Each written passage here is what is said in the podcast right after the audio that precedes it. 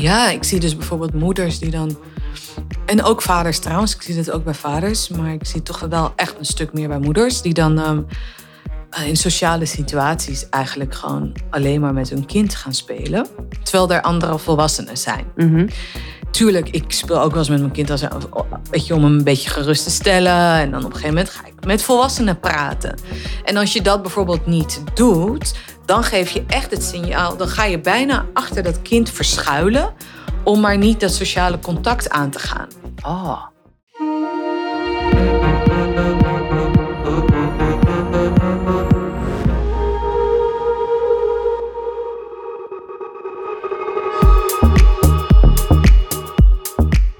Welkom bij Truffles en Chanels, de podcast over mindset, persoonlijke groei en leiderschap. Waar we geen enkel onderwerp uit de weg gaan, met als doel jou je rijkste leven laten leven. Mijn naam is Ellen Persijn en ik neem je mee in onconventioneel en extraordinair leven vanuit liefde en vrijheid. Hey daar en welkom bij een nieuwe aflevering van Truffles en Chanels. Vandaag zit ik samen met iemand heel bijzonder, een vriendinnetje van mij en ook leiderschaps- en salescoach voor trainers en coaches. Uh, ik zit samen vandaag met Melissa. Hey Melissa. Hallo Ellen. Hoe gaat het? Goed, heel goed. Nu, Melissa, we spreken al zes maanden om samen een podcast op te nemen. Ik denk een jaar. Echt? Ja, dat denk ik wel. ja, een beetje op de lange trein. Maar we vonden wel ergens belangrijk of fijn om samen een podcastje op te nemen. Eerst en vooral beginnend met hoe we elkaar leren kennen hebben. Mm. Kan jij daar iets meer over vertellen? Ja, wij deden allebei een traject bij Suzanne van Schaik. En ik uh, had mijn eerste live dagen voor haar programma. Ze is een business coach.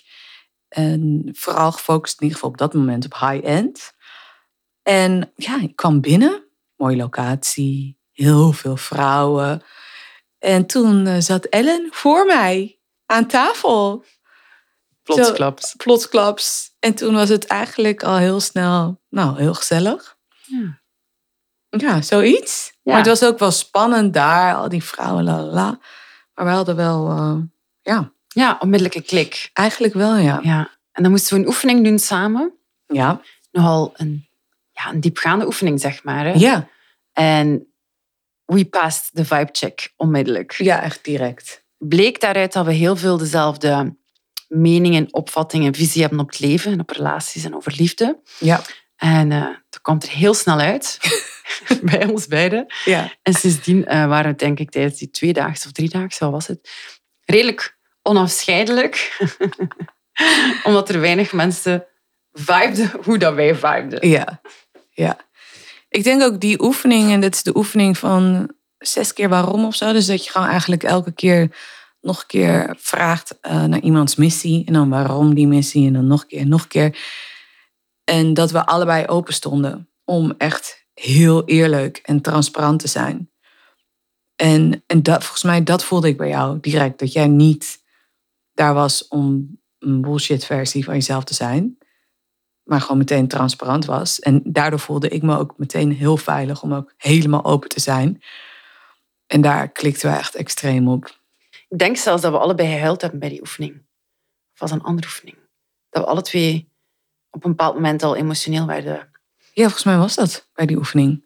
Ja, Ja, en dat is wel bijzonder dat je iemand, ja, hoe je tien minuten kent. ja, En heel onmiddellijk zo open kan zijn en diep kan gaan. En, en volledig in je gevoel kan gaan. ja, En dat is eigenlijk een beetje wat ik heel waardevol vind aan wat wij samen gecreëerd hebben in onze vriendschap. Mhm. Het is niet dat we elkaar dagelijks horen of zelfs bijna soms niet wekelijks horen. Maar dat lijntje is er altijd. Als we elkaar horen, is het nog altijd op hetzelfde niveau, op hetzelfde level, is er niks veranderd. Nee. En dat creëert een klein ankertje. ja, mooi. Wij zijn elkaars kleine ankertjes. Dat je iemand hebt, dat je open staat om andere ondernemers dan, als ondernemer zijnde, Ja. leert kennen, dat je op kan vertrouwen. Dat je weet die altijd gelijk gaat zijn tegen jou, die zonder oordeel is en met liefde kijkt naar wat je te vertellen hebt. Ja. En die je uit je bullshit trekt ook. Als je jezelf aan het bullshitten bent, die, waarbij je heel eerlijk kan zijn Mm. En dat ook kan teruggeven. Ja. En ik denk echt oprecht dat dat iets is dat iedere ondernemer actief tussen haakjes, want als je iets zoekt, hè, weet je het niet zo snel, Nee. maar toch actief naar op zoek moet gaan of voor open moet staan van kan ik mensen aantrekken door zoveel mogelijk mezelf te zijn? Ja, precies. Stelt het mij in staat om mensen aan te trekken die daarop aansluiten, waardoor ik een nieuw ankertje heb verzameld in mijn leven. Ja, mooi.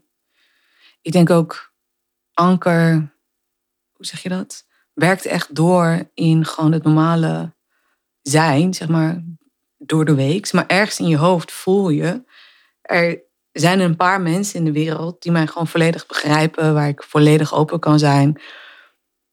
En dat werkt, nu, nu zet ik het in woorden om of zo, maar het is eigenlijk iets heel gevoelsmatigs. En ik denk ook inderdaad, het is heel belangrijk, vooral om dit te kunnen uh, hebben met iemand, zo'n relatie. Heeft dus alles te maken met dat je super, super open kan zijn. En als je dat niet voelt bij iemand, dat je helemaal open kan zijn, dan is die klik er niet. Mm -hmm. En ik denk dat je soms kan denken, als je iemand online ziet, dat je echt denkt van oké, okay, dat is mijn type, bla bla bla bla. Maar dan ontmoet je diegene. En dan, ja, of ze zijn super afwezig, of ze zijn niet. niet nou, echt, voor mij is dat meestal de vibe check. Is iemand echt aanwezig hier met mijn aandacht bij mij? Of is het gewoon iemand die eigenlijk alleen maar, weet je wel, eigenlijk vooral online is? Ja, en die gewoon, die je, die je ontmoet en gewoon met zijn eigen doel bezig is. Ja. Die wil ik iets verkopen. Precies. Dat voel je onmiddellijk. Dat voel je direct. En dat is een beetje, pardon my French, maar het is echt zo'n kotsen. Ja. Dat pik ik om, onmiddellijk op en dan ben ik zo afgeknapt. Ja, en dan is het ook gewoon klaar. Ja. Dan kan je ook niet echt een gesprek voeren. Nee, want het is niet puur. Nee. En dat is heel lullig, maar dat heb ik wel op dat soort evenementen vaak gehad. He, waar veel vrouwen kwamen die een ontzettende online presence hadden. En heel erg, weet je, dit, dit gaat heel erg bitchy, of uh, hoe zeg je dat? Een beetje afzeikerig klinken. Maar ik gun hen ook eigenlijk meer een soort van. Als je dan ook echt laat zien dat je super authentiek bent, doe dat dan niet alleen voor de likes of zo, weet je wel.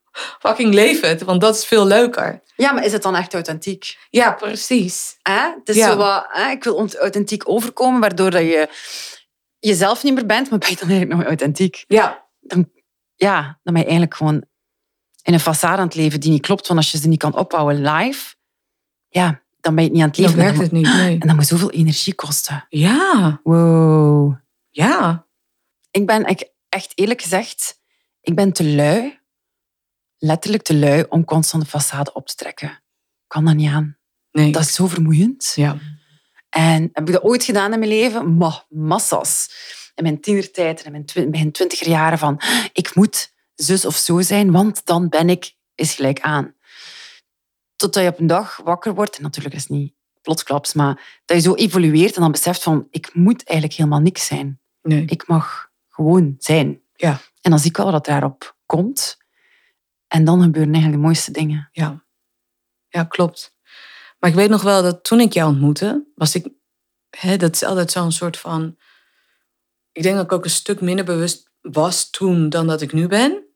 Maar dat ik wel echt een soort van ehm, anticipatiegevoel had. Weet je wel, van hoe, wat gaat gebeuren, wie ga ik ontmoeten, hoe gaat het zijn, Eh, wat ga ik leren, la la la la. En dan heel snel eh, ben je dan verhalen aan het ontwikkelen. Ja, ja, ja. Weet je wel, van oké, die wil ik ontmoeten, daar wil ik eh, vriendschap mee of whatever. Of eh, dit, weet je wel, deze twee dagen moeten een soort van mijn grootste succes gaan wakker maken of whatever. En dat werkt gewoon ja, bijna nooit. Het is averechts. Ja, ik zag ook wel eens want het was geen goedkoop eh, trajectje. Dat jij echt wel de duurste vriendschap bent die ik... Nou ja, maar het is wel het beste wat ik aan heb overgehouden in die zin. But it's worth it. Ja, een dure vriendschap als een compliment. Ja, Zo. nee, maar dat heb ik ook ook echt tegen mijn partner ook al eens gezegd. Ja, ik, eh, dat traject was niet het goedkoopste. Ik heb er veel van geleerd, maar ik heb er vooral een hele goede vriendin aan overgehouden. Oh, leuk. Ja, Maar hetzelfde hier. Ehm, ja, echt wel hetzelfde hier. het was zo... Ja, op drie minuten hadden we elkaar gevibecheckt en was vertrokken. Ja, ja. en sindsdien best buds. ja. ja, ja, ja, ja, ja, ja, ja. Ja, nee, dat hem. What else? Want anders ga ik te veel roddelen over dat even. dat gaan we niet doen, hè? Nee. Ehm, we hadden het ook over het laatst over, hè, wat ik daarnet zei, van die kleine ankertjes. Mm. Dat je door bepaalde vriendschappen op te bouwen later in je leven, hè, niet van je kinds af aan, Ja. dat je allemaal kleine ankertjes creëert. En dat daar ook bij komt dat je soms grote ankers, of wat jij ziet als een groot anker, Mm. moet loslaten. Ja. Hè? En dan spreek ik echt over bijvoorbeeld, je hebt een vriendschap opgebouwd met iemand toen je zes was. Ja. En dan blijf je vrienden en dan kom je in die tienerjaren terecht in de adolescentie. En dan blijf je vrienden. Maar ja, dat hoort toch zo, Mm. dat je vrienden blijft. Ja. Ehm, en dan merk je plots dat dat niet meer overeenkomt of zo. Of dat dat niet meer klikt. Of dat dat niet meer aansluit op elkaar. Ja. Dat het elkaar niet meer verheft of de hoogte inbrengt. Ja. En dan moet je dan soms een groot anker gaan afknippen. Ja. Want het houdt jou tegen. Ja. Dat dient jou niet meer. Ja. Hoe ervaar jij dat? Ja, ehm, ik zit een beetje in zo'n situatie. Ik heb wel vaker in die situatie gezeten. Maar deze, dit is wel een hele moeilijke, zeg maar. In die zin dat het gewoon een hele lange eh, vriendschap is. Waarbij ik voel dat het aan het aflopen is. En, ehm, en terwijl je dat net zei, dacht ik het gewoon een heel belangrijk... Waarom het zo, belang, zo moeilijk voelt, is omdat eh, deze vriendschap een deel van mijn identiteit is geworden. Ik heb me er zo mee geïdentificeerd. Besef ik me echt nu, terwijl ik dit aan het, eh, aan het delen ben, dat ik echt denk van, oh, wacht even. Ik, ik haal er bijna een soort eh, eigenwaarde uit. Weet je wel? Kan je even uitleggen? Allee, ik vind het super boeiend. Ja. Wat is die eigenwaarde dan? Ja, een soort, eh, hè, in, in het geval van deze vriendschap, een soort van, ja, zelfs ehm, artistiek, artistiek en vrij. En, maar inmiddels ben ik nog vrijer en op een bepaalde manier creatiever. Ehm, gek genoeg, niet dat dat uitmaakt of zo, dat de een meer of wat dan ook is, maar meer, het sluit eigenlijk niet meer op elkaar aan. En ehm, de vriendschap zelf geeft ons allebei eigenlijk helemaal niet meer veel. Maar het vasthouden aan een soort van conceptueel beeld al bijna, weet je wel. Dus het is echt iets wat ik dan in mijn hoofd heb ontwikkeld, wat, wat, eh, wat ik er qua eigenwaarde uithaal. En dat is gewoon eigenlijk echt een identiteit. Dus van oké, Melissa, daar hoort die vriendschap bij. Dat geeft mij iets, een edge, een iets. En ik denk dat dat dus dan ook wel weer heel belangrijke schaduwzijde is om je te beseffen als je zo'n anker hebt, zeg maar, in de vorm van een vriendschap, dat je wel de, bewust bent van die schaduwzijde, dat je niet je eigenwaarde eruit gaat halen of niet je alleen maar gaat identificeren. En, want daar gaat het natuurlijk helemaal niet over. Maar dat gebeurt natuurlijk ontzettend in die jaren. Nou, vooral puberteit en eh, jonge adolescentie. En nog steeds, ik ben nu 41. Ik begin me daar nu pas ehm, echt heel erg bewust van te maken. En ja, ik besef me nu echt dat dat, dat dat hetgene is waarom ik het zo moeilijk vind om het los te laten. Dat ik voel van, fuck, maar dan verlies ik gewoon een deel van mijn freaking identiteit. En dat doet pijn. Of de illusie van wat jouw identiteit is. Ja, Als je dit zo vertelt, eh ben ik hier aan het opschrijven. Echt net hetzelfde met koppels. Mm. Dan Ja, ben je samen met totaal. iemand twee jaar, drie jaar, vijf jaar, tien jaar, vijftien jaar. En dan op een bepaald moment zie je jezelf niet meer bestaan zonder die persoon. ja klopt. Al is de situatie in het nu, in de huidige tijd, zo kut. Maar uw brein, uw systeem, uw identiteit kan niet aan om Chantal zonder Marcel te zijn, bij wijze van spreken. Ja. Hè? Dat gaat gewoon niet, want het is Chantal en Marcel. Ja, En Chantal alleen, wie is dat dan nog op de duur? ja, En ik denk dat wij daar wel ehm, heel gelijk in lopen, jij en ik dan mm. van in onze relaties heel veel bij onszelf houden. Ja. Ehm, En onze partners hetzelfde laten doen. Ja. Onze partners niet, niet vasthouden of in een mal stoppen van oké, je bent de mijne en nu loop je altijd naar mij en je bent, bij mij is dan nu Frans van Ellen en je bent nooit meer iets anders. Ja. Frans is nog steeds Frans. Ellen is nog steeds Ellen. En samen zijn we Frans en Ellen, maar we zijn evengoed nog Ellen en evengoed nog Frans. Ja. En dat zie ik ook gebeuren bij jou. Ja. En Joris. Ja, dat klopt. Ja, dat denk ik. ehm, dat is. Uiteindelijk ben je verantwoordelijk voor, je, voor jezelf, voor je eigen acties, voor je eigen geluk. En als je, dat, als je die verantwoordelijkheid aan iemand anders geeft, want dat is dan wat je doet, dat is, ja, dat is eigenlijk funest voor ongeveer elke relatie. Voor jezelf. En voor jezelf. Ja, voor je eigen, Ja, voor je zi- zicht op je eigen capaciteit. Ja, totaal. En voor mij haalt het ook lol uit het leven. Hè, dus het is een soort van. ehm, ik heb dat echt wel gedaan. Van: oké, nu heb ik een man, weet je wel. Nu ben ik goed of zo. En dan, ehm, eh, ja, dit is het. Ik ben daar alleen maar heel somber van geworden toen er tijd, weet je wel. Hoe merkte je dat? Een beetje bijna apathisch. Van oké, dit is het. Ehm, Oké, het zal wel zo zijn. Dat zal wel zo zal zijn. Nu het- ja, nu, ja, nu ben ik er toch. En nu, dit is het dan toch. En, eh, maar ik werd er alleen maar, ik dacht alleen maar van, hè, ik voel me helemaal ongelukkig. Dat, mag, dat mocht niet. Weet je wel? Want ik heb toch een relatie. Er zijn heel veel vrouwen die geen relatie hebben. En dan ga jij je ongelukkig voelen. Dat kan toch helemaal niet? Oeh, ja. Ja, en dan dus nog een soort van laag over. En ik voelde me al somber. En daar dan eh, sch- sch- sch- schuldig over voelen, Ja, weet je wel? Een beetje ashamed van, Shame, hoe ja. durf ik mij somber voelen? Ik heb alles wat ik moet hebben. Ja, En ik heb hier nog een beetje de culot. Ja, Ik heb nog een beetje de, ah, de durf om Mhm. nog een keer ongelukkig te zijn ook. ja, What the fuck? ja. En ik denk dat het voor heel veel mensen die zullen luisteren herkenbaar is. En dat het niet ligt aan dat jouw relatie niet precies wel, wel of niet goed is. Dan moet je dan apart gaan bekijken. Ja, Maar dat het vooral ligt van, haal je nog eigenwaardig, eigenwaardig genoeg uit jezelf? ja, Ben je dingen genoeg aan het doen voor jou en met jou?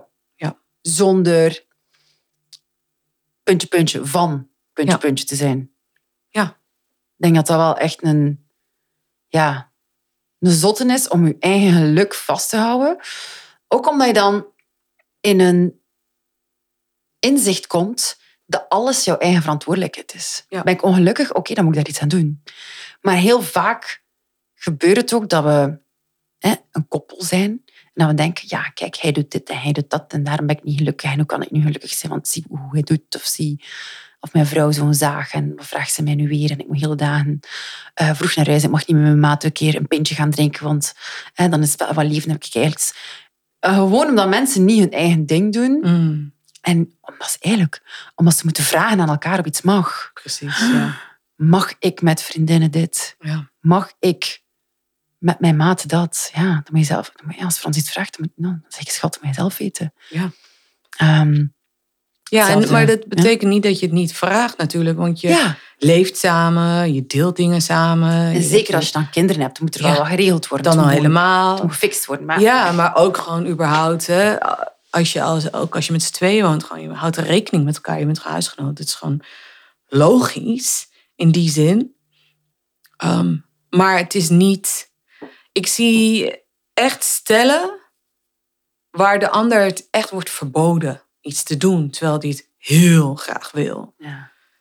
En dat vind ik echt, echt ingewikkeld om te zien. Ik heb er echt letterlijk. Hè, ik eh, ben mezelf natuurlijk heel erg aan het ehm, leren om minder oordelend te zijn. Weet je wel, en dat is dan eh, het ultieme om te bereiken. Maar ja, freaking moeilijk. Maar vooral in die situaties, omdat ik dan denk: hier wordt lijden eh, veroorzaakt eigenlijk. ehm, in the name of love. Weet je wat ik bedoel? ja, zeker. Maar wat is dan de realiteit? Het is eigenlijk uit te nemen of angst van Ja. de ander. Totaal. En dan denk ik van, joh, je verbiedt nu iets iemand omdat jij vindt dat je het moet kunnen verbieden. En die redenatie is voor mij inderdaad dus volledig gebaseerd op angst en een onzin. Een onzin aanname. Dus dat als je in een relatie of getrouwd of whatever, of samen een kind hebt, dat je dan de ander iets mag verbieden. Maar dat is echt volledige onzin. Er zit een soort van ehm, entitlement. Ik weet nooit wat het Nederlandse woord daarvoor is. Mhm. Een soort van, hè, ik heb hier recht op. Dat vind ik heel bizar. En en het is bijna algemeen aangenomen, hè, vaak. Soort van, ja, tuurlijk, tuurlijk mag jij mij verbieden dat ik inderdaad met vrienden ga drinken of alleen op vakantie ga of whatever. Ja. Ik, huh? Nee, gek. Jij bent toch je eigen leven? Ja. Of eh, laatst hoorde ik ook iemand die dan zei van, eh, ik ga eh, eigenlijk nooit meer een andere vrouw aantrekkelijk vinden. Wat? Wow. Hè, dat Is die, beloof eh, ik je. Gecastreerd of zo. En toen dacht ik, dude, dat is nu al een leugen. Dit is onrealistisch. En door dat te zeggen ben je gewoon eigenlijk al aan het zeggen, ja, ik lieg. Toch? Want het is onmogelijk. Ja. Zeg maar, je hebt gewoon een freaking geslachtsdeel en hormonen en al die dingen. En ogen En ogen. een smaak. En een smaak. en huh? hoe dan? Dat is onmogelijk.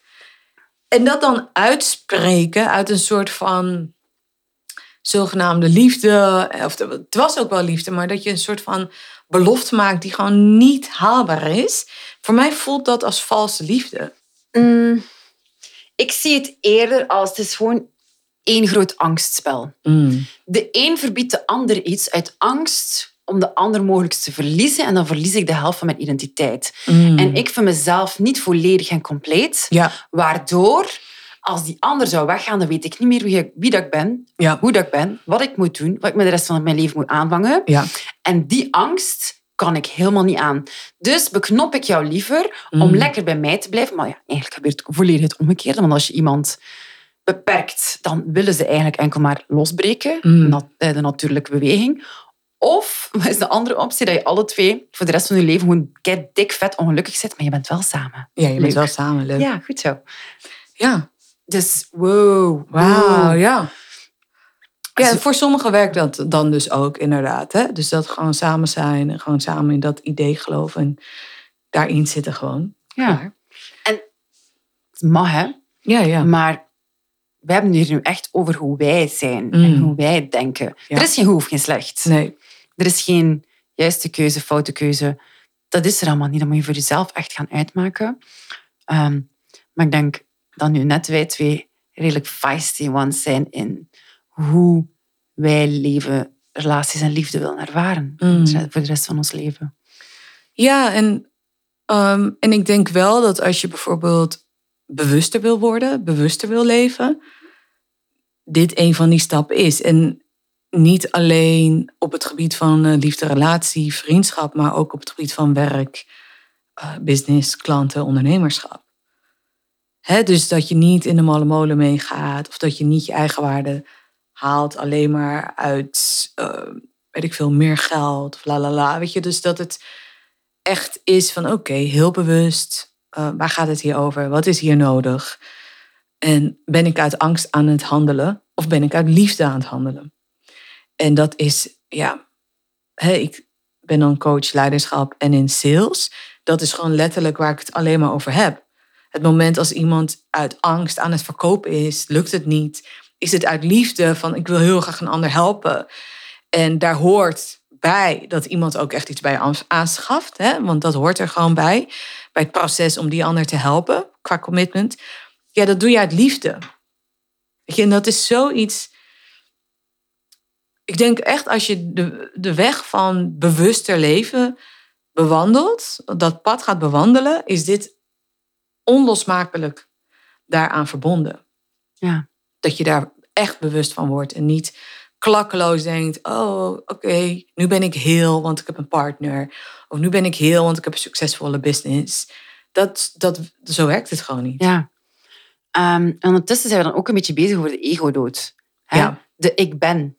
Ja. De ik ben dat, want ik heb dat. Ja. De ik ben dat, want ik doe dit. De ik ben puntje, puntje, want dat is mijn partner. Ja. De ik, dat je al die ik bennetjes, als je het dan even heel nuchter en kritisch voor jezelf gaat gaan bekijken, is het soms te belachelijk voor woorden.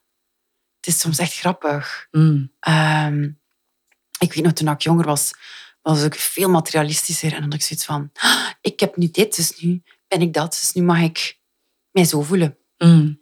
Hoe seniel. dat, je dan, dat je geest daar dan naartoe gaat en dat je dan echt gelooft van ja, nu kan ik het. En dan kom je ergens op een openbare plaats en iemand geeft je een blik die jou triggert naar je oude gevoel of naar je oude identiteit. Bam. En je bent terug dat klein onzeker meisje die niet weet of ze hier wel past, of ze wel hier mag zijn, of of ze wel waardevol genoeg is om hier te mogen Mm. rondlopen op deze plek. Ja. Dus gelijk wie dat je naast je zijde gaat strijden of nemen. Gelijk wat dat je gaat kopen. Gelijk wat je verkoopt. Mm. Hoeveel geld dat er uit op je bankrekening gaat staan. Het moet echt uit die ik ben, moet losgekoppeld worden aan wat je vergaart of wat je fixt. Ja. Naast jezelf, buiten jezelf. Ja. Maar eerder voor je, wat je allemaal niet nodig hebt om toch jezelf te zijn. Ja. Te Ja, zijn. en ja, en dat is weer wederom die identificatie aan materialisme. En, En pas op, pak me morgen mee naar de Chanel en ja, ja. let's go. Hè. Ik bedoel, Me too, man. ja, Ik heb laatst nog een jas van 1000 euro gekocht. ja, lekker toch? Ja, Ja, toch? en eh, als ik die aan heb, voel ik me ook echt een million Thousand bucks. Ja, een million bucks. En ik denk dan, ja, ik identificeer me dan met die jas. Ja. En, ehm, en het is een, eh, eventjes eh, voor de kijkertjes thuis. Het is een zwarte trenchcoat. Ja. Van fucking goed materiaal, niet normaal. En dan, wat heel hip is in Amsterdam, is de- waarschijnlijk overal, is dat je dan zo'n petje, baseballpetje Ja. erbij opzoet. En gewoon een jeans. En gewoon, weet je wel, heel simpele eh, sneakers of whatever. En ik voel me echt helemaal het fruitje. Gewoon niet normaal. En tegelijkertijd ben ik dus ehm, mezelf aan het, nou ja, hoe zeg je dat, verdiepen in non-dualisme, in Jan Geurt. in, eh, weet je wel, in dat hele bewustzijnstraject. Eckhart Tolle, vet goed boek nu aan het lezen. Zo een wollen sok aan Totaal. de een. En dan... Totaal. Ja, maar is... Totale hippie. Materialisme boeit geen Reet. flikker. Eh, überhaupt, weet je wel, mijn lichaam is niet eens heel belangrijk. Het gaat over mijn bewustzijn. En dat is onderdeel van een nog heel groot... Weet je wel, dat je echt denkt, super spiriwiri. Maar ook gewoon die vet mooie jas kopen. En over, nou ja, waar mijn kantoor midden in het centrum van Amsterdam eh, lopen. En denk, yes! Je Ja. mag naar me kijken. Maar, wacht. Klein, een kleine... Vind ik nu wel, een kleine side note. Je kan dure dingen kopen... ehm, omdat ze gewoon van exquisiete kwaliteit zijn. Terwijl niemand, Jan met de pet, gaat niet weten hoeveel die jas kost. Nee, Bijna niemand niemand, nee. gaat zien dat dat een jas van 1000 euro is. Nee, nee, nee. Jij weet dat dan dat een jas van 1000 euro Ja, is, ja, omdat ja. jij het jezelf waard vindt om heel kwalitatief Klopt. grief aan te kopen. Ja. En dan, weet je, soms is het nog beter dat dan 25 jassen van de Shine. Ja, totaal. Allee, om nu maar iets te noemen. Ja. Terwijl, pas op, niets tegen Shine. Ik koop ook de Shine. Dus, eh, weet je, no, no, nor good or bad. Ja. Maar dat het, het, je hebt het niet gekocht uit... Kijk eens naar mij. Zie eens hoe waardevol ik ben. Nee, je hebt het echt gedaan voor jezelf. Ik Ja, leef... dat weet ik dus niet. Ja? Ja, ik bedoel, dat verhaal kan ik echt wel voor mezelf inderdaad op die manier beargumenteren. Ja. Maar als het gaat om geitenwolle sokken mensen, Ja. ehm, is die geitenwolle sok is net zoiets als een Chanel tasje. Ja. Dat is totaal identiteit. Dat is, dan lever je bewijs van, als je dan die route gaat doen, dan ga je daarmee identificeren. Je kan nog beter Chanel blijven, zeg maar. Ja. En vanuit daar ehm, bewustzijn creëren. Dan in één keer een andere identiteit en denken dat je dan. Dat is de, Elevated de, de shortcut, de spiriwiri shortcut. Maar die is bullshit. Ja. Die zie ik veel te veel. Is, Weet je, een beetje wierookje, kaartje leggen, geitenwolle sokken en hop, ik ben spiri. Dat is niet zo. Bakvis binnen en eh Ja. daar zijn wij. Ja, wij Ja. zijn verantwoord voor de wereld. En dan superveel mensen gaan judgen omdat ze niet spiritueel zijn. Ach, kijk die onbewuste mens bezig. Ja. Niet oké. Terwijl je vol, vol een bak aan het oordelen bent en dan Oh ja, man. zit je zo ver van de spiritualiteit of maar kan Ja. zijn. Ja, van die... Ja, dat is, dat is echt de lol in spiritualiteit. Dat je dan... En ik denk dat iedereen die een beetje open gaat of een beetje ehm, naar die search begint, even een moment heeft Klopt. dat hij dan op de bus zit of in zijn auto zit en rondkijkt van... Ha, kijk naar die daar, zo onspiritueel. Ik ben mega spiritueel, maar kijk daar, Ja. naar beneden. Ja. Ha. Ja, ik heb laatst daar een heel mooi stukje in een boek gelezen. Eh, van ehm, Brida van Paulo Coelho. Ik zeg het verkeerd hoor, ik spreek het verkeerd uit, maakt niet uit. Waarin een, een vrouw eh, over haar automonteur eigenlijk zegt van ja, die man die is waarschijnlijk nog spiritueler dan ik. Want hij, hij, hij bekijkt de auto en binnen een half uur heel erg intuïtief weet hij wat er aan de hand is.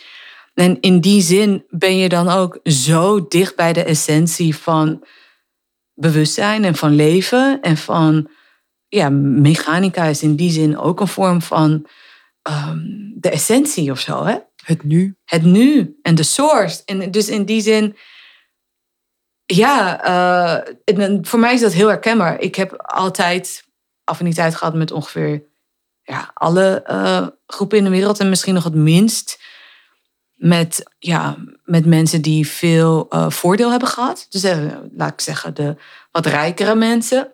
De Die gewoon- papa's. Ja, dus die weinig. eh, in, in, op dit moment in Amsterdam zijn dat de mensen op de Van Moofs. Die weinig eh, Frans. tegenslag hebben gehad in hun Frans leven. heeft van Moof. Ja, Van Moofs en Tesla. Frans. Van Moof, Nee. van Moof, voor de luisteraars, Van Moof is een elektrische fiets. Ja. Ja. die zijn failliet trouwens. Die zijn failliet, ja. En dat is zo lekker eraan ook. ja, want ze worden extreem gebashed. Het is echt heel erg. Maar in die zin... eh, weet je, ik bewijs van meer met kampers. Mm, Dan kan ik nog campers. Bijna meer mee levelen. Ja. Of eh, in de Amsterdamse kroeg met gewoon, weet je, echte Amsterdammers. Maar die zijn gewoon ook los zichzelf. Ja, Allee, in ons perceptie. in ons perceptie. Ja, maar, En maar ik zie heel vaak een angst tussen verschillende, tussen dan, oh nee, weet je wel, een soort van afstand nemen. Terwijl ik denk echt, over campers dan bedoel je? ja, ja sowieso met, ik bedoel, eh, er zitten natuurlijk een, paar bij die wat minder, ja. Maar dan nog Die kan ik me iets bij voorstellen of zo, weet je, die leefstijl. En die, die, die wat eh, agressief kunnen zijn. zo Ah, zo. Best wel snel agressief zouden kunnen Ja, worden. sorry, maar ik ken snops ook die heel snel agressief worden. Ja. Allee, ja. Een Maar- snop die niet krijgt wat hij wil, als hij altijd gewend is geweest van thuis. En dan, ja, sorry, allee, Ja. ziek. Pap. Bij, bij kampers valt het een beetje meer op misschien. ja. Wordt er meer over gesproken? Die komen in het nieuws. Nou, dat klopt. snop- Precies. Maar dat is echt een soort een rare onbegrip. Want ik heb eh, op een gymnasium lesgegeven, een VWO. Wat is dat? En als je hem vertaalt in het Vlaams. Ah, middelbare school, Ja? hoogste niveau met Latijn en Oud-Grieks. Ja, Latijnse. Ja. En daar zat dus een eh, meisje, vet slimme dame. En die was kamper. En die was echt de allerleukste. En die zei ook dat ze, dat ze het heel leuk vond dat ze daar naar school ging. Maar dat ze binnen een jaar of twee, weet je wel, sowieso ging trouwen. En gewoon haar cultuur deelde ze. En ja, ik, weet je wel, ik ben dan natuurlijk sowieso heel direct fan. En dat is misschien... Maar ook omdat ik echt me het gewoon heel goed kan voorstellen dat je vet jong moeder wordt. Daar kan ik me ook wel iets bij voorstellen. En dat al je zussen, broers, tantes, ooms ook helpen bij de opvoeding, weet je wel? Dus dan de hele leefstijl die gewoon klakkeloos wordt, ehm, als goed wordt beschouwd, zeg Ja. maar, is onzin. Dat is het misschien, dat ik dat dan zie als tegenbewijs en denk van ja, zo kan het ook. Ja. En dan vind ik het super boeiend. Wanneer wordt het een keuze en wanneer wordt het eigenlijk gewoon volgen wat je altijd al gevolgd Ja. hebt? Of wat iedereen altijd al gevolgd heeft binnen jouw generatie. Ja, Oeh, ja, daar heb ik volledig van aan. Ja. Waarom doet ze dat dan? Omdat ze echt denkt dat het niet anders kan. Ja. Omdat het niet anders is. Anders wordt ze verstoten misschien. Of wordt ze... ehm, ja, Nou ja, of ze denkt dat ze het wil, maar eigenlijk wil ze Ja. het niet, omdat ze geen alternatief kent. ja. Zo, met, hey, snapte? Ja, Ah, voor mij is dat echt... Mm, nam, nam, nam, nam. Ja, vind ik heerlijk. Super over, interessant. ja, vind ik zo lekker om over na te denken. Waarom Ja. doet ze dat? Ja. Ze is kei slim, ze kan alles. ja. Maar wie zijn wij om te zeggen waar ze de meeste waarde uit halen? Nee. ja, dat kunnen we niet doen. Nee, maar het zou wel mooi zijn als je ergens op je 15e, 16e ehm, bewust wordt gemaakt, eigenlijk op de middelbare school, dat je bepaalde eh, verwachting van het leven hebt ontwikkeld op basis van de ervaring bij je ouders en je cultuur. Ja. En dat er keuzes zijn. En dat het niet gemakkelijk is om er van weg te zijn, want hè, dat heeft met overleving te maken. Of weg te gaan. Dat dat hard werken is, maar dat er mogelijkheden zijn. Zodat je er echt niet één keer wordt verteld, maar dat er bij wijze van een ehm, vak is dat jou daar echt bij helpt. ja. Hm? Dat je weet dat er verschillende routes zijn. Ja, Dat je route nog niet uitgestippeld is. Tenzij dat je dat wilt. ja Maar dat is... dat kan, maar dat, dat je ga- bewust keuze maakt. Exact. Eh, ja, want als je niet bewust bent van dit kan, en ik ben een kamper, en ik als kamper, identiteit, hè, tussen haakjes, Ja, ik als kamper kan geen carrièrevrouw worden. Ja. Ik word huismoeder met Ja. kinderen. Ja.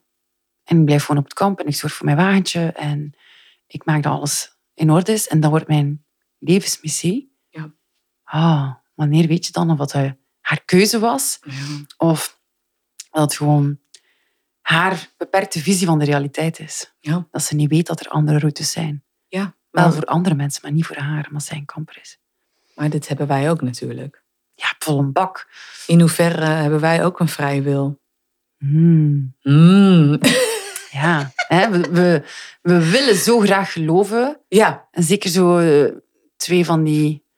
Van die, van die eigenwijze free, vrijheids, freedom chickies. Zoals wij. Ja, we weten dat we kiezen voor alles. Maar ook dikke bullshit eigenlijk. ja. Eh, wij worden ook maar geleid Mm. door alle invloedjes die we hebben meegekregen. Totaal. Oh, Zo'n mindfuck. Ja. Love it. Ja. Ja, voor mij is een van de dingen waar, die ik, bijvoorbeeld waar ik heel erg door word geleefd, is dat ik sowieso niet dat wou wat ik zag toen ik klein was. Dus eh, ouders die heel erg veel ruzie hadden. Ja. Mijn moeder die bij mijn vader bleef terwijl ze eigenlijk weg wou. En toen heb ik echt een keuze gemaakt. Oké, dat gaat mij niet overkomen. Nou ja, en dat is dus letterlijk, weet je wel, het resultaat van mijn leven nu is in die zin denk ik grotendeels geïnformeerd door dat gegeven. Dus in, weet je wel, stel dat dat niet was gebeurd. Waar was, wat was er dan gebeurd? Ja. Dat weten we natuurlijk. eh, Ja. Dat is een onzinvraag, daar niet van. Maar het moment dat je dat dan begint te doorzien, ja, denk je, komt er wel een soort van extreme mindfuck van, oké, is this me? Is er een nog echtere ik? Ja, verschrikkelijk. Ehm, ja,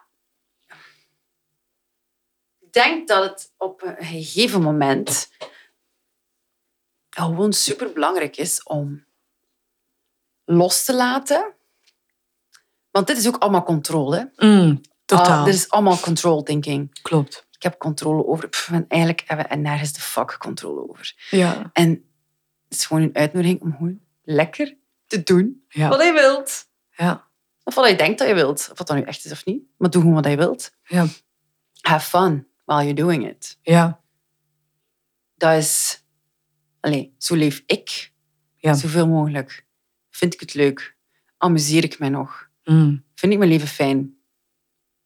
Dat is het spark joy. mm. Om het op zijn maricondos te zeggen. En if it's not, ja, dan flikker ik het gewoon weg. Ja. En dan kan ik soms denken, hmm, ik had hem misschien beter nog wel langer gehouden. Maar ja, bon. Het is weg. Moving on. Ja, niet lang over pound en dan gewoon je beste beentje terug voor en dan weer, weer, weer vertrekken. Mm. Maar mijn grootste les tot hiertoe was altijd, is, is al geweest van laat los. Ja. Probeer het niet te controleren, want dat kan je toch niet. Vanaf dat ik begin te controleren, I go fucking loco. Ja. Ik, mijn mind goes ballistic. Het is niet gezond voor mij. Dus laat ik gewoon los. Ja. Wat Ja. ook niet altijd makkelijk is, maar Nee, totaal het wordt niet. wel een nieuwe gewoonte. Nou, en het ding is dus dat je inderdaad... Dus ik, ik ging net in één keer even in de controle. Hè, Mhm. van oké, dat is gebeurd. En, wie ben ik dan? En dan, wil ik dan, dan ga ik dus, dan kom ik in die beknelling. En de oefening is natuurlijk steeds bewust te worden. Oh, wacht even. Hè, zonder dat er een Ellen tegenover me zit. Maar dat ik zelf zo... Hé, hey, ik zit in een beknelling. Ik zit in die controle. Ehm, ten eerste waarom? Dus mag er zijn. Maar waar is die, wat is dan die angst of zo?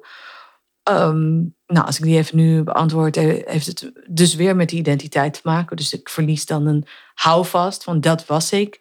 Ben ik dat dan niet meer? En als de laat los oefening is het ook vooral van, ehm, nee, maar je bent er al. Je bent gewoon, punt. Ja. Ja, Klaar. zet toe. Klaar. Je hoeft niet ook nog eens ehm, te gaan bedenken wie je bent of zo. Want dat, dan is het bedacht. Er heerst zo precies een idee dat we zo hard moeten werken om te, zijn wie we Zijn, ja.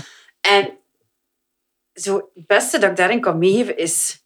Als het heel hard werken is om jezelf te zijn, Mm, dan klopt er nog iets niet. nee, En dan nodig ik u echt uit om te zien wat kan ik hier loslaten. Ja. Welke ankertjes kan ik doorknippen. ja, Ehm, wat dient mij hier niet meer? Ja. Wat kan ik loslaten? Hoe breng ik mezelf in een staat van ehm, chillness, van Ja. rust gewoon? Want die rust dat, dat leidt dan toch naar geluk. Dus hoe kan ik mezelf in een staat van rust brengen? ja. Dat is voor mij de essentie van het leven tot nu toe. En hoe doe je dat? Gewoon praktisch? Los, bedenken, De rust? bedenken wat niet meer past en ervoor kiezen om er geen punt meer van te maken. Mm, Hè? Wij als mensen zijn soms zo vol vasthoudend. Omdat we dan integer zijn, denken we tegen onszelf. En principieel. En, maar fuck uw principes. Wat zijn mijn principes als je nog een bloeddruk hebt en een, eh, een mislukte hartslag en, en vijf cardiacs per dag en je slecht voelt en je gejaagd voelt en maagpijn hebt, omdat je constant zo gespannen loopt. Omdat je denkt dat iets moet. mm, Wow. ja. Ja. Dus voel aan je lichaam Mm, of dat in rustpose of in ruststaat is of niet, is het niet begin met je ademhaling, sowieso. ja. Dat eerst die geest terug Ja, kan precies. zakken. Ja. En dan pff, kan je weer wat helderheid creëren voor jezelf en kan je dan weer verder gaan beslissen. Ja. Of wat. Maar al die onrust, ja, fucks you up. ja, nogal. Maar ademhaling is inderdaad... Ik voel ook als ik in die beknelling zit, dan hou ik mijn adem hoog en vast. En wanneer ik dan weer ga- bewust ga doorademen, letterlijk, zo helemaal naar beneden, zo, dan, dan kan ik meer gewoon loslaten, de rust vinden en niets meer hoeven. Mooi. Niets meer hoeven. Ja, Niets meer moeten. Ja. Ach. Ja, ik moet niet graag dingen. Mm. Klinkt zo lekker. Njam, njam, njam, njam. Ehm, we waren, eh, of we zijn over identiteit bezig. Ehm, jij bent mama. Ik ben bewust kinderloos. Dat Mm. gaat ook zo blijven. Ja. Ehm, dus daar heb ik minder zelfvoeling of ervaring mee. Maar we hadden het er gisteravond ook over, onder een eh, lekker glaasje bubbels. Dat, hoe zei je dat nu weer? Van mensen of sommige vrouwen verliezen zich in moederschap? Ja. Of, kan je dat nog eens herhalen? Hoe, hoe, ja, het, en dat ziet? Ja, hoe ik dat zie. Wat ik zie, en dat zie ik wel echt vaak, is dat ehm, het moeder worden zoveel voldoening geeft, zoveel eh, soort van invulling geeft aan het leven en waarde geeft aan, aan zeg maar iemands leven, zoals moeder, dat je echt denkt van, ah, yes, weet je, ik ben nu echt genoeg en goed en volledig en ehm, dat dat dan de volledige identiteit wordt. En dat dan andere facetten van het leven bijna wel vergeten lijken. Kan je een en- voorbeeldje geven? Ehm, ja, gewoon, eh, nou, ik heb een paar verschillende vrouwen. Eén één, eh, vrouw die ik ken, die, die zei letterlijk van ja, eigenlijk wil ik gewoon ehm, nog een kind. Puur omdat ik het gevoel heb dat dit het beste is wat ik kan doen. Weet je wel? Dus dit is gewoon hetgeen waar ik voor ben gemaakt. En ik voel me. En dan ook nog eens tussen de leeftijd van 0 en 2. Dus dat is een soort. Ja, de meest afhankelijke eh, Ja. periode van Je een, bent iemands nodig. ja. En, ehm, en ik schrok daar heel erg van. En ik heb er dus ook heel erg veel eh, moeite met daarop reageren. En het, ik blijf, ik, weet je wel, ik, ik, ga, ik, geef, ik spiegel niet. Omdat, het, omdat ik ook weet hoe hormonaal je bent. Hè, dus eh eerste jaar was ik echt wel een beetje cookie. Eh, ja, Hoe uitte zich dat? Nou, een van de dingen die ik deed was dat ik uh, op Instagram heel veel, heel veel filmpjes maakte over boeken. En uh, ja, dit is dan vier jaar geleden of zo, drieënhalf jaar geleden. En mensen dachten echt, huh, je bent net moeder, wat doe je? Maar dat was dus een soort cookie, cookie hormonale... Uh, overslaggedrag. Overslaggedrag bijna, maar ook wel... Zie, ik ben nog normaal. Ik lees boeken. Ja, ik, ik lees boeken en ik wil. Ja, ik, bij mij was het inderdaad. Ik ben niet enkel mama, dus ik had iets nodig in mijn leven om te voelen dat ik niet mama was. Um, maar ik was. Um, nou ja, ik was gewoon niet helemaal normaal. Pas na een jaar weet je dat je niet helemaal normaal bent, zeg maar. Dus na een jaar, in ieder geval in mijn geval, en ik lees dat heel vaak. Um, ja, is, is die, is, zijn die hormonen gewoon veel minder.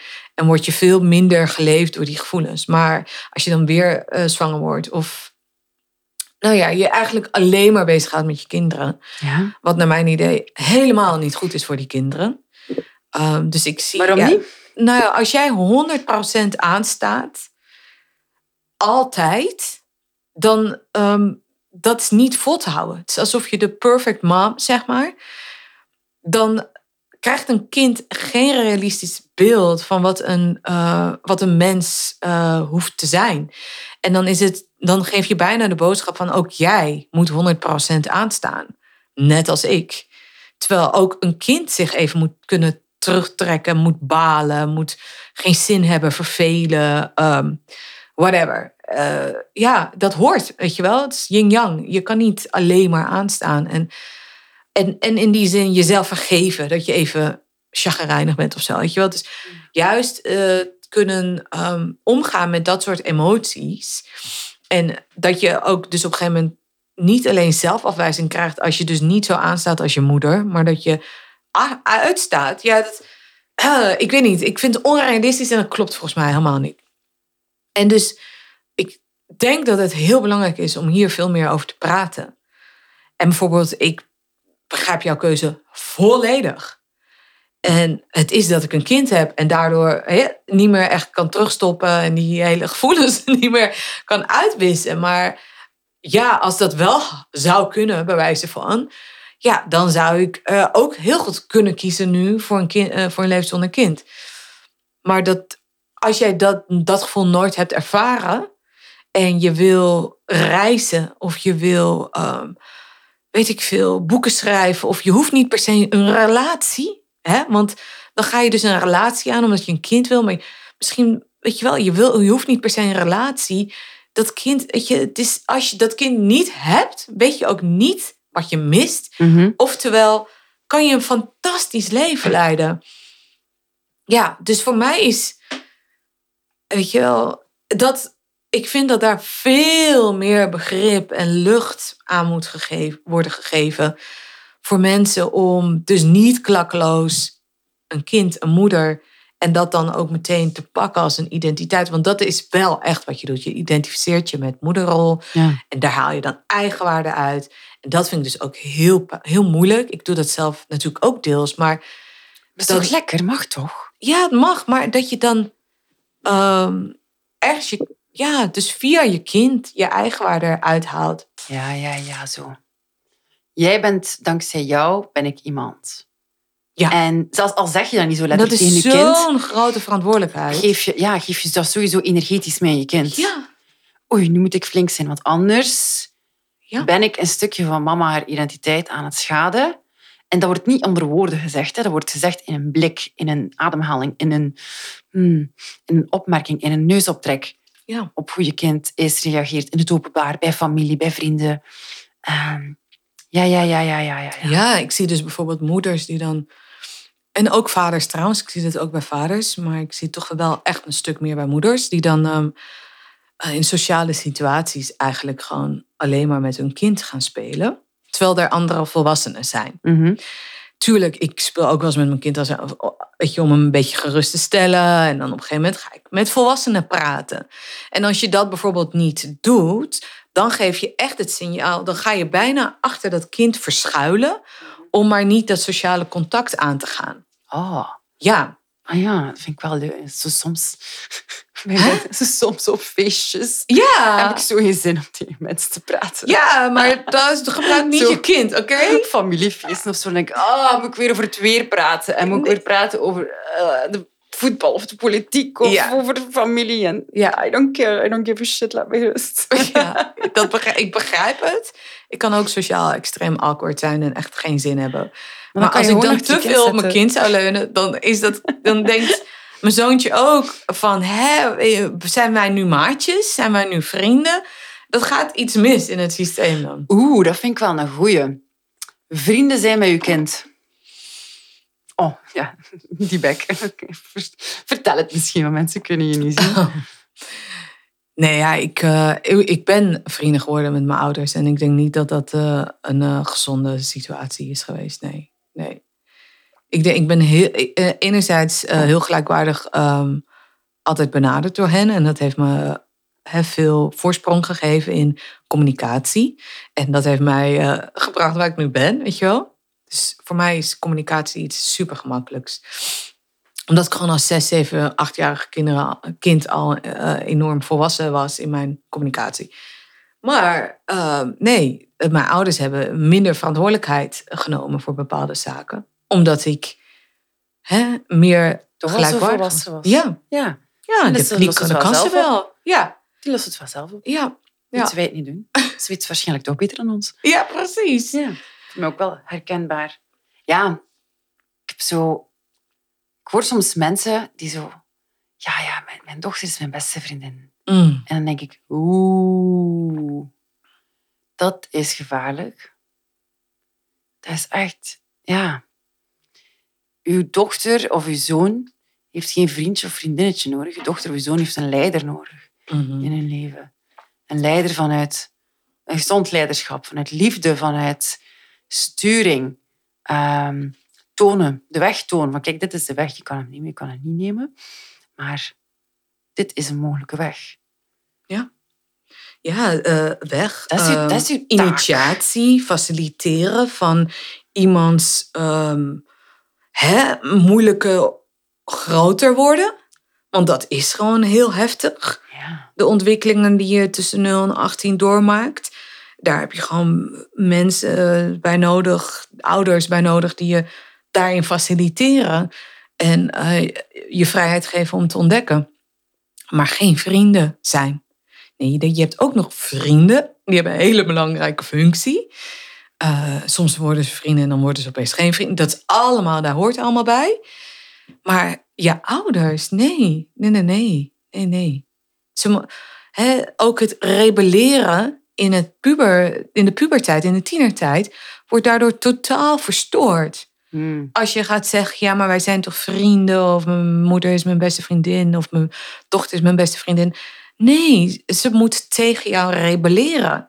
Dat is een soort initiatieproces om volwassen te worden, je af te zetten, de wijde wereld in te gaan. eh, weet je wel, volledige andere levenskeuzes te maken om puur te ontdekken wie je bent en wat je wil.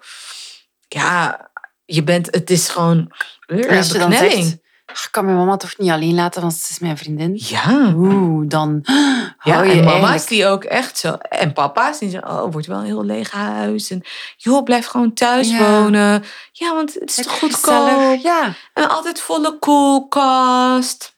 ja. En je was en je klas. Hele generaties die zo Ja, dat is- worden opgevoed. Ja, eigenlijk Nu, is dat op een dit beetje moment. fucked up, hè?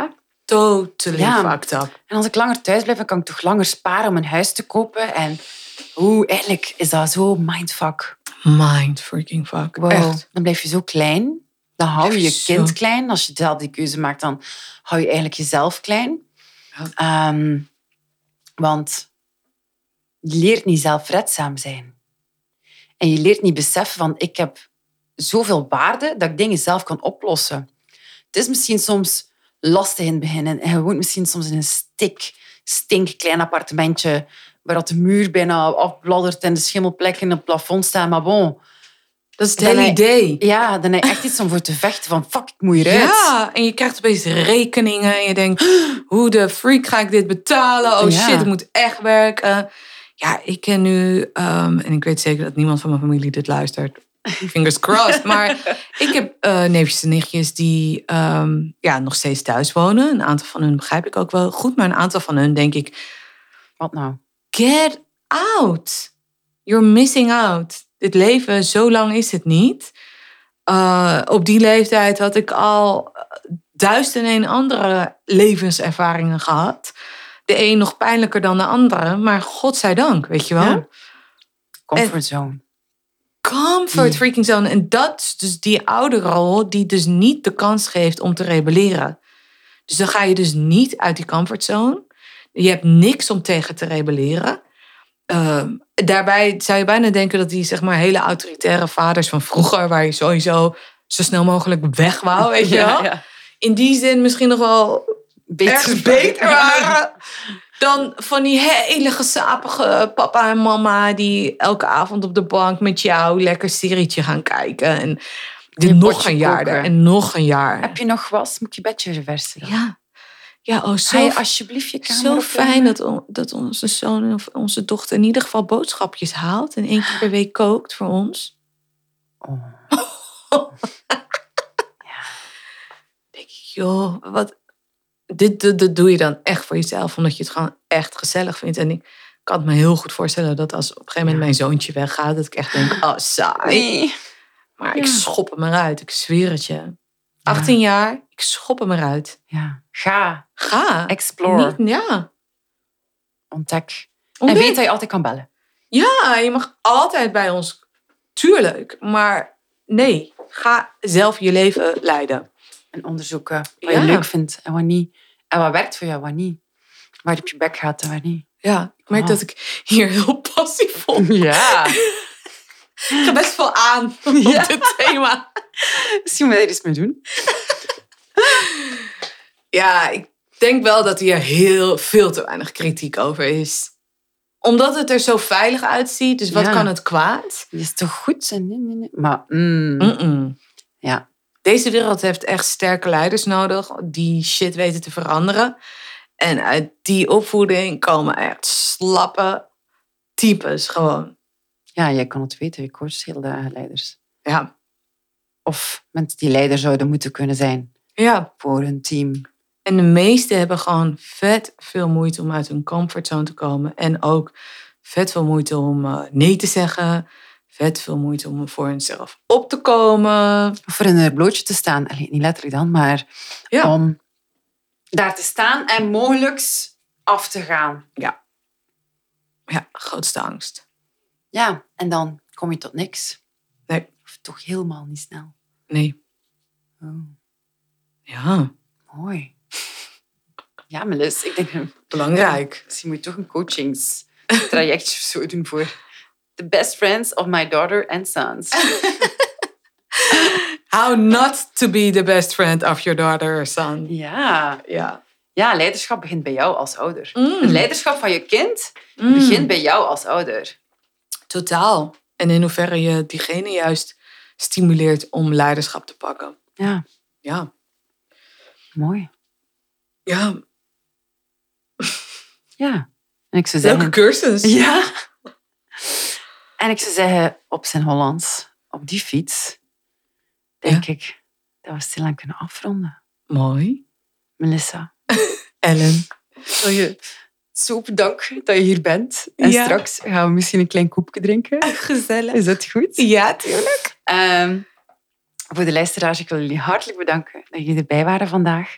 Ehm, je kan Melissa, haar LinkedIn, haar Instagram en zo verder vinden in de show notes hieronder.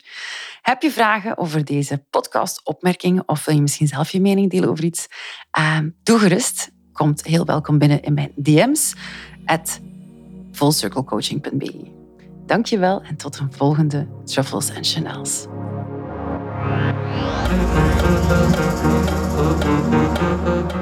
Ik ben Ellen Persijn en je luisterde naar Truffles and Chanels, de podcast. Mocht je dat nog niet gedaan hebben, ga dan naar je podcast-app en subscribe op deze podcast. Vond je het waardevol? Vergeet zeker geen like, rating of review na te laten. Ik zie je graag bij een volgende keer terug bij Truffles and Chanels.